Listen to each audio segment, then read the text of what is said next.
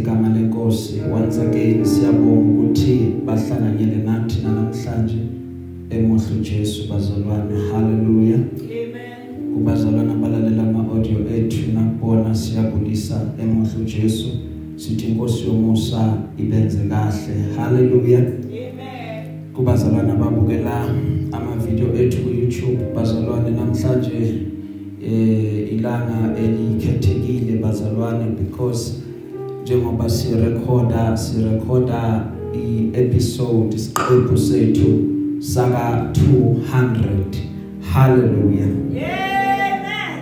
glory be to God Amen. A- angizizwe izandla bazalwane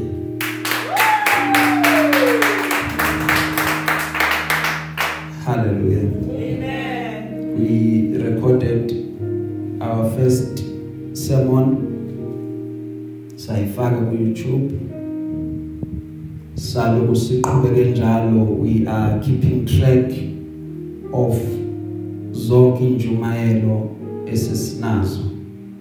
Uma sibala ku YouTube ivideo yanamhlanje kuyoba ivideo yamakhulu amabili. Amen. uh it's not an easy journey. Ufika ngenkosi kuphela. Hallelujah. Siyabonga baba uNkulunkulu bazalwane for ukusigcina. Asiphe le consistency. Kude kube lesi sikhathi. Siyambonga uJesu. Hallelujah. Amen. singashayelana uJesu izandla kakhulu bazalwane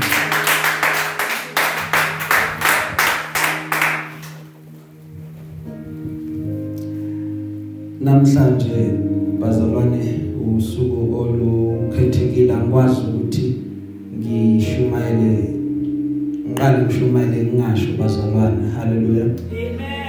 Ngokusizwa inkosi ke bazalwane ngithanda nami ukuthi ngithathe leli thuba ngithi eh sukuma mkamba kubona.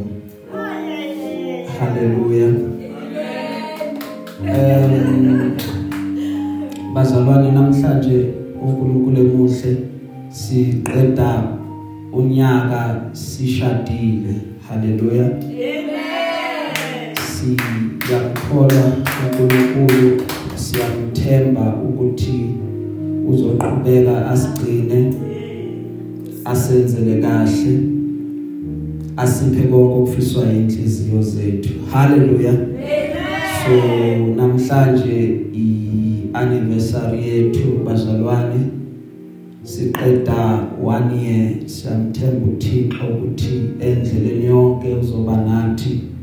Inqobo nje uma sigcinwe ngaphansi kwesandla sakhe somusa nginale belief yokuthi eh namalikani akukho kuyokungenzeki. Haleluya. Amen. uNkulunkulu ngimbonile. Ngambona sihlela silungiselela umshado wabamuhle. Wasipha ngokwenhliziyo zethu.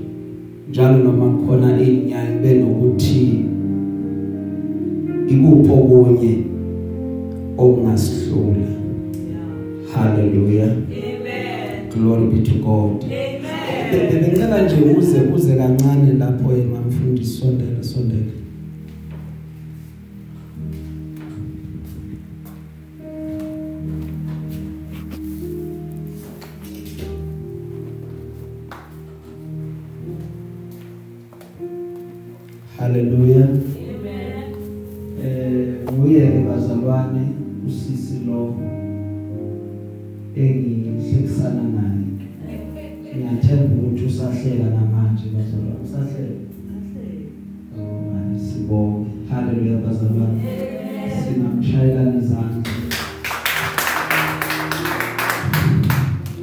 glory be to God Amen.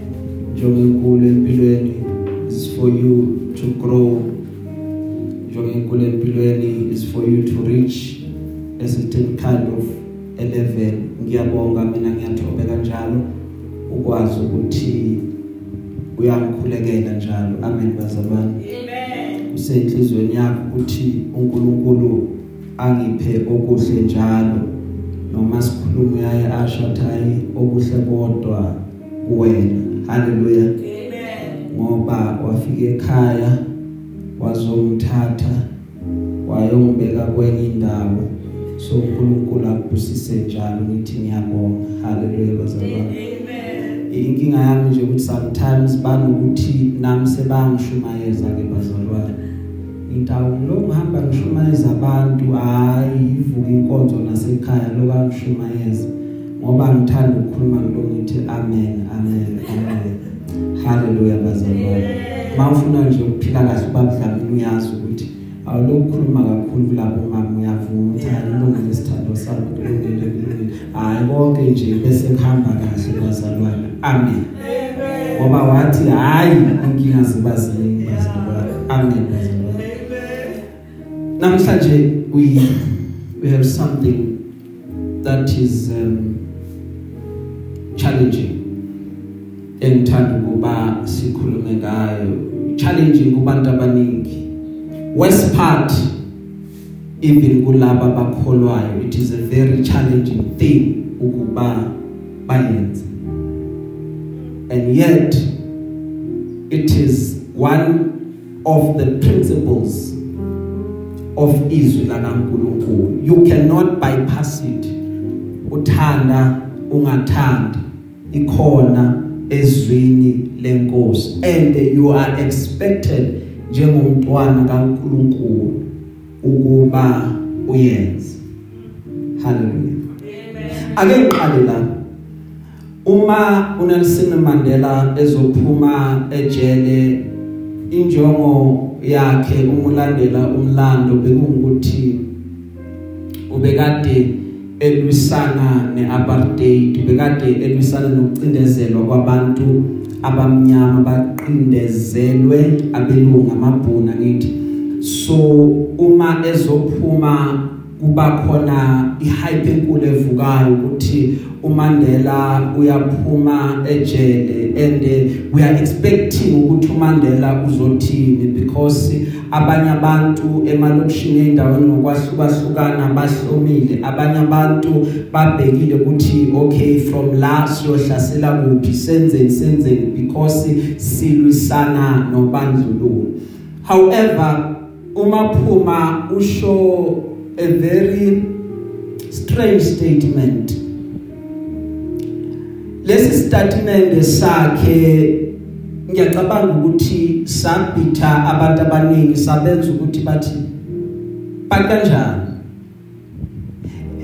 bese ngakexpectanga ukuthi angakhuluma okufana nalo. Yazi inkinga ukuthi uexpect ukuthi umuntu uzosho into ethile angayisho avesane asho iopposite yalento ocabanga ukuthi uzoyisho. Uyabona uJesu bazalwane? Lithi iBhayibheli wababuza wathi ikhali iziphethe bathi ikhali yebo siziphethe. Bese lithi iBhayibheli mabeza bazomlanda lithi iBhayibheli uPeter wawoshinkela wasika indlebe yesosha. Awu uJesu wayithatha wayibuyisela. Wathi uPeter hawo kanti Jesu kulempe silwa kansilwa njani? Ngoba usibuze ngekhali sengiyahlasela sewuthatha indlebe uyayibuyisela. Kanti kanti kanti uphethe iphi kahle kahle? Haleluya Amen. ake sibuyele ke kundaba kaMandela. Uthi uMandela umephuma i know niphethe ikhali but thathani zonke lezo ikhali maqeda niyoyiphonsa elwandle. Uma ngiphuma la angiphumeli ivengeance. Uma ngiphuma la ngiphumela iforgiveness. Uma ngiphuma la ngithi kukona konke okubi abasenze kona asibathethelele. Umyalezo sizokhuluma ngawo namhlanje iforgiveness. Glory be to. Forgive Yes. forgive Yes. Luke chapter 23 verse 34 Luke chapter 23 verse 34 Glory be to God Amen. Alo iphethe lesilungu bese sifundela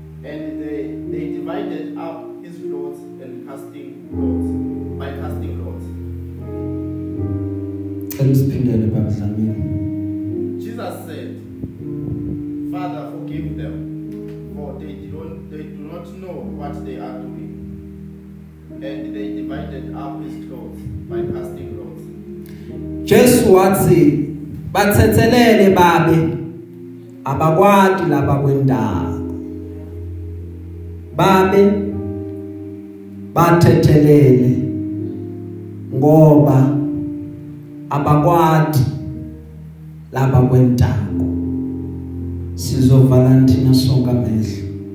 Sicela umzalwane oyedwa sikhulekele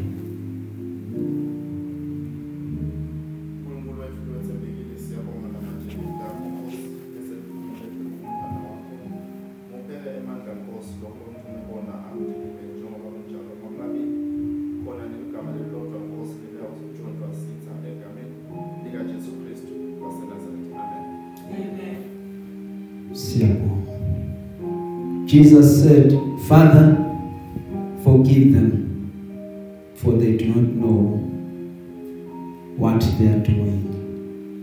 Babenzani kahle kahle?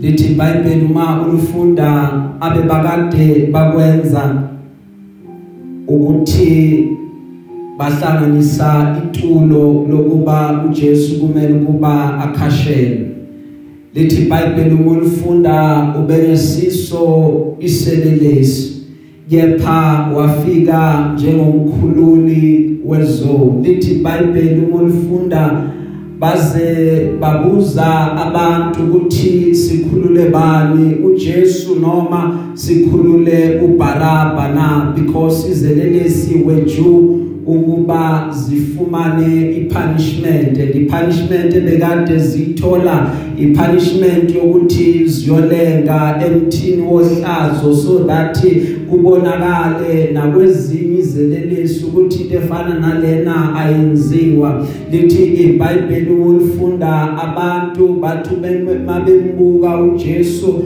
bathu mabembuka uBaraba bathi ulungile uBaraba akabuye and then aqhubeka sibambe inkunzi ulungile uBaraba aqhubeka siqekezele but uJesu akabethelwe lithi iBhayibheli nenkosi uPilato yaze yageza izandla ngoba lithi iBhayibheli yayikade ingatholanga cala kuyena because yathi uma imbuka imhlola yathi lo muntu akanaso isono but lithi iBhayibheli kwatholakala ukuthi kumele ukuba akhashelwe yize anganaso ngisho nesodwa isono. Inkinga yakhe bekuwukuthi ufikile endaweni uzokhulula abantu. Yethu abantu abafuna ukuthi bamamkele njengoba bangafuni ukuthi bamamkele then the best thing elula ukuthi yenzeke kubona ukuthi makakhashelwe. Why? Because abafuni ukuphuma kuma systems abakholelwa kuwona. Abafuni ukuphuma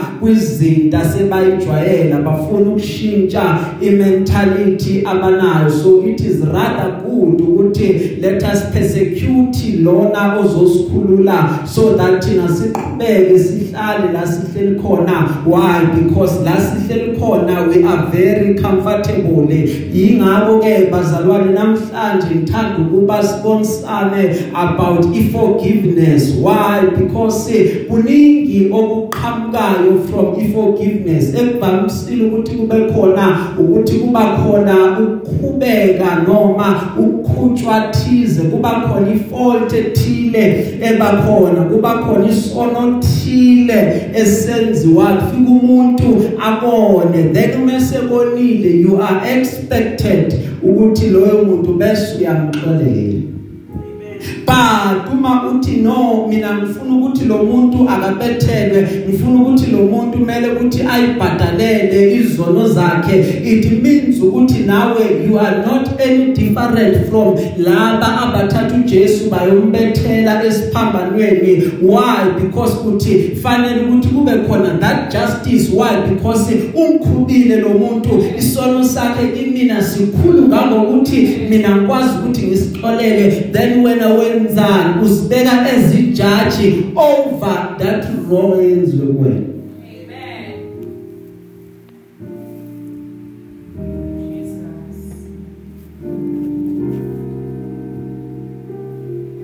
lithi iBhayibheli uma silifunda kunomzalwane ogama lakhe linguStefan lithi iBhayibheli uStefan bamkhanda ngamatshe lithi iBhayibheli uma ekhandwa ngamatshe wathi kena into esengiyibona njengoba abantu beqhubeka bengikhanda ngamatshe ukuthi ngibona amazulu avulekile ngibona nendodana yomuntu imile ngakwesokunene sikaNkuluNkulu. Maqeda sizwa uStefan athi Nkosi yamkela umoya wami. Bese lithi iBhayibheli wabese uyaguqa phansi wamemeza ngezwe elikhulu wathi Nkosi uzungababaleli lesi sono. Don't count this sin. Phezukwayo why why why why Stefan uzothi inkosi ungabali lesisono phezukwabo simple bazalwane? Because abakwazi ebebakade bakwenza.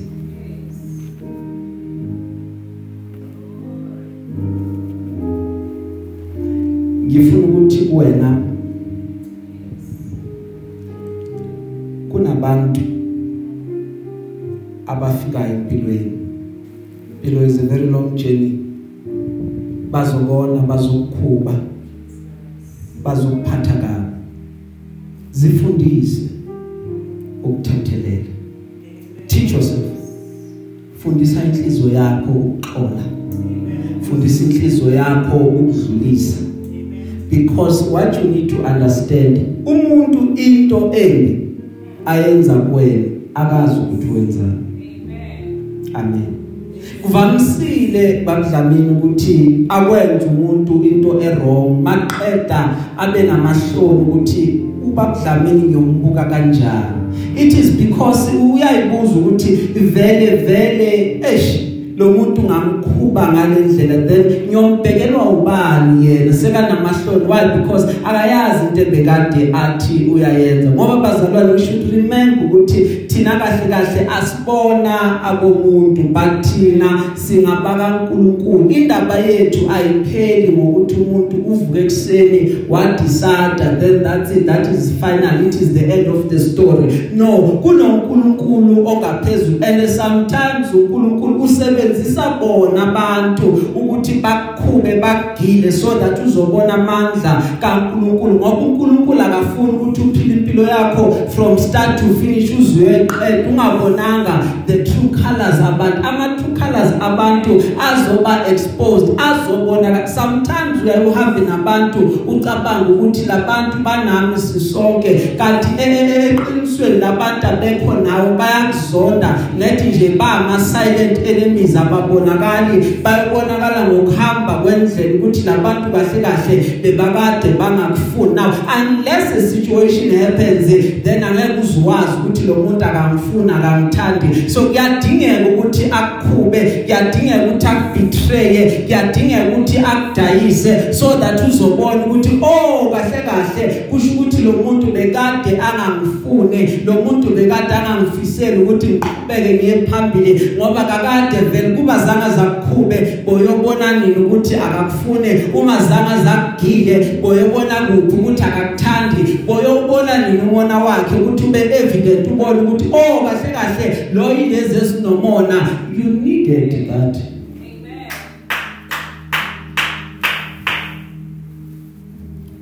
kunomthandazo. Esimthandazayo. Sithi noma siqala siba sifundisa ukukhuleka. Kunale part ethu sithethelele amacala ethu. Njengaloko nathi sibathethelela okay asibuyeleni emuva bazalwane sithethelele amacala ethu njengaloko nathi. There's a principle. Usithethele lamacala ethu njengangokuba nathi. Ngokuba uma nithethelela abantu iphambeko zabo uNkulunkulu osezulwini uyanithethelela nani?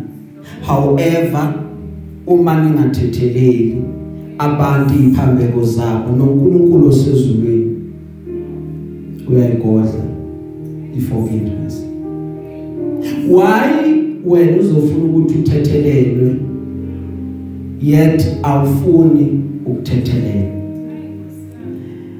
Igcwele lento bazalwane kuphathisa amahloni ebandleni lakababa uNkulunkulu ukuthi abazalwane abathetheleli. Abazalwane bagcina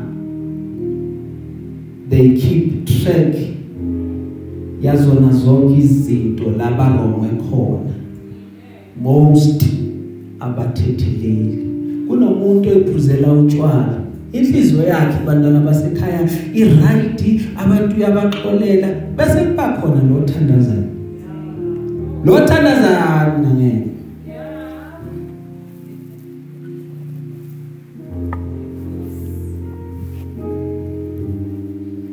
Uyazi uyazi ukuthi bangenzani? Okay. Nini? 2003 23 December bangikhuba wangikhuba lo muntu angimfuna ngimthandisisi Sunday. Uyakhuleka uNkulunkulu Sunday ulithi worship ebandleni. Sunday uyashumayela. Lithi iBhayibheli futhi nxa nimi likhuleka thethelelani uma ninamagqubu nomunye umuntu ukuze uyihlo sezulwini azokwazi ukuthi anithethelele iphambeko zenu. That is the principle bantwana basekhaya. Forgive so that you can be forgiven. Kepha uma ningathetheleli if awuthetheleli if awunaxolo if awudlulisi iBhayibheli clear uNkulunkulu osezulwini angeke azakuthethelele usho njani ukuthi Nkosi ungithethelele izono zami njengokuba nami bathethe wazi kahle ukuthi mina ngidlulisi mina ngixolo wangona nje mina kimi ayipheli. Kumele kube iphele kumele kuba iphele. Kumele kuba idlule. Because kulempilo esiyiphilayo kunezinto ongeke uzoyibypass kunohlobo lwabantu ongathi lo muntu angenzeki ngixolele. Uma uthi lo muntu angenzeki ngixolele kanti sewubamba izibusiso zakho uNkulunkulu enze ngamabomu zonke izinto efanele ukuthi zikunikise ku level elandelayo ayibeke kulo muntu what then? If inhliziyo yakho iqinile ithi mina ngeke ngize ngithethelele. Lithi iBhayibheli lesilungu bazalwane love prospers when a fault is forgiven. Ukungathetheleli kwenza ukuthi uthando lungabonakali. Uthando ake libonakale uma sigqibe sigqishe amagqubu angeke lize lubonakale uthando. Lithi iBhayibheli but dwelling on a fault separates close friends. Ukuhlala ephutheni noma bangathi bahlangene kanjani. Mangizohlala ephutheni sisinhlanhla uyakhumbula 2023 wena wangikhuba siyohlukana. Uyothi mawubheka uthi angiyangidina lo angisayina kuye ngoba kulokabhizi akakhula kamkunini inxolisa angisazi mina ufanele ukuthi ngenze njani. Hayi angisayina kuye then yile iseparation. Why? Because ngidwela ku fault ngihleli ku fault however fanele ukuthi ngidlule kuma fault Yesu ngonile Yesu ngikhubile nami khona engihamba ngibakho why ngifune ukuthi mina ngithethelele but mina angazi ukuthi angifuni ukuthi omunye umuntu ongonile bese yena uyathethelela why ngiba selfish? Inzondo yabanga ukuthi abantu baxabane. Njalo makunenzondo rest assured ingxabano ihlezi khona. Lithi iBhayibheli kepha uthando lusibekela zonke izono zonke iphambeko uthando it covers. But inzondo umuntu ohamba risha inzondo you rest assured there will always be fights. Because lo muntu lo uthando akanalo. And we are called ukuba sizobonisa uthando bazalwane. Glory be to God. Amen. Kinga yethu we are not showing uthando. Siyakhuleka. Omunye uzubona ukuthi nali izulu liyafulela but uthanda kanani let's go back to the basics bantwana basekhaya. Kunezinto kunamandla singabona ebandleni simply because of why? We are not doing the basic things efanele kuba sizenze. Masingajaheli lephambili asibuyelele emuva. Hamba uyothethelela hamba uyoxolela lungisa inhliziyo yakho lokusiza lokho. Haleluya Amen. forgive.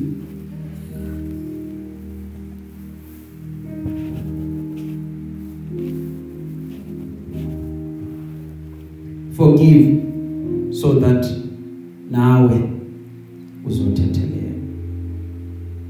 Impilo bazalwane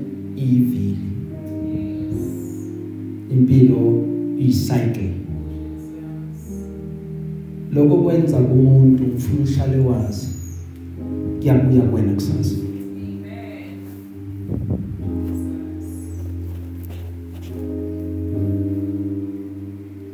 a angithetheleli ngoba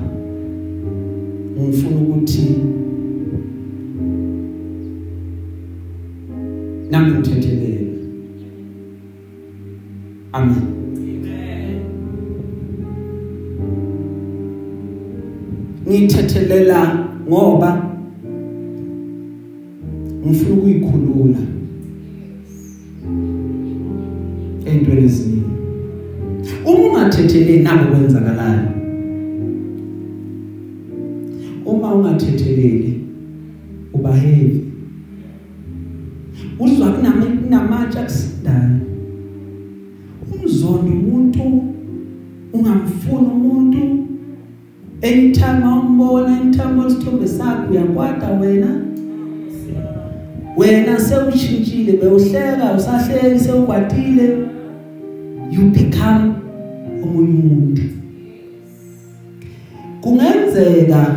ugcina ugula wena?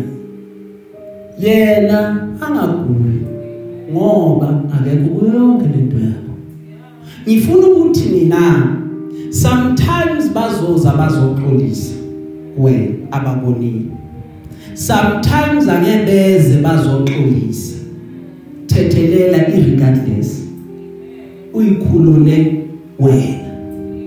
Uzokwata ubhoxubale ukudla ngasangeni uhamba bo doctor simply because inhliziyo yakho igobile uthi mina angeke nje ngizethethelele uzoba yibridge enza ukuthi imindeni ingazwani wenza ukuthi amakhampani angazwani wenza ukuthi ihlobo abangani bangazwani ngoba uwe onenhliziyo ethe mina angifuni to forgive. Hallelujah. Maye mase ibuya ibamba wena sewudinga ngempela ukuthi la ngidinga ukuthethelelwa. Uthola omunye ofana nawo o two times ben western way athi angeke ngikuthethelela ubathe uyakhuluma athi never. Ngoba lapha usakhumbula ukuthi nami bekade ngingabathetheleli. Lapho seyocaba ukuthi lo muntu waba nonya kanti eh eh sekubuyiswa lebhe kade uyenza kulapha abanye abantu.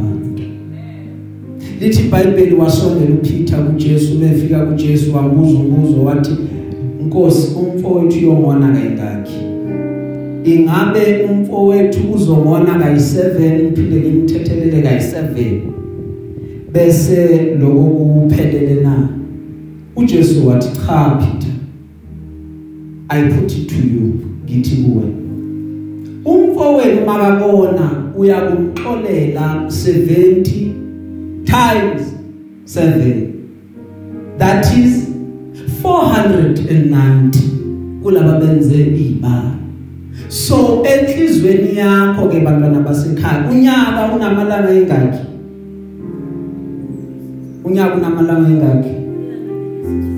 365 so 490 is more than unyaka wonke. So meaning umfowethu uzongona ngimthethelele angone ngimthethelele angone ngimthethelele. This is beyond unyaka. So why? Because angifuni ukugcina ukugxila kuma faults awenze kimi the more angona is the more ngimthethelele. The more angona is the more ngimthethelele. So that impilo yami izoba ngcono.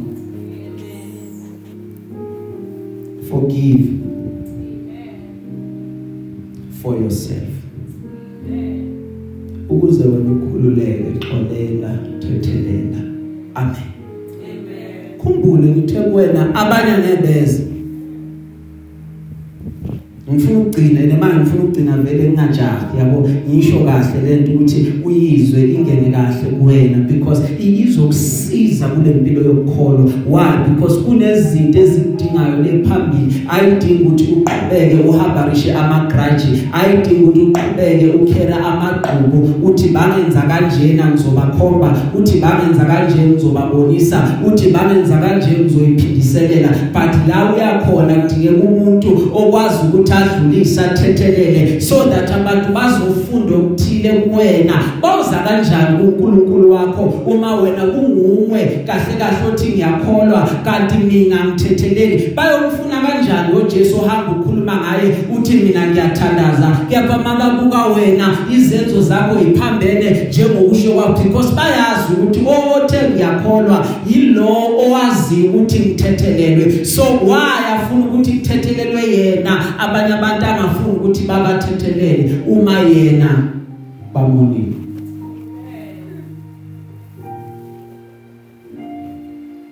hallelujah. Amen. forgive yokusiza hallelujah. Amen. ngicina ngokuthi ubusiwe loyo osiphambeko sakhe sithethelele osono sakhe sisibekele. Ubusiwe umuntu uJehova angambaleli isiphambeko. Kungekho nkohlise emoyeni wakhe. You are blessed. Uma isiphambeko sakho sithethelele uma isono sakho sisibekele uma ufikile wazocela intethelelo ngorongo menzile. Ubonise ukuthi hey ngiyayisola kulorongo mawufika ucela intethelelo kunanga umuntu oyewamona athi kulungile ngikuthethelele bese soyasuka uyahamba umhage nijabule ngomthuliso nijabule bese mawumflathela. Inhliziyo yakho uzwa seyilula uthi ha baba ngiyabonga ukuthi sengithethelelwe. Isiphambeko sami kade sikhona manje isiphambeko sami sisekho sengihamba ngazi ukuthi onke amaqale bekade nginawo adlulile sengikhululekile. There is joy in my heart. That is why lithi iBhayibheli ubusiwe wena. Osiphambeko sakho sithethelele singaphakama thina sonke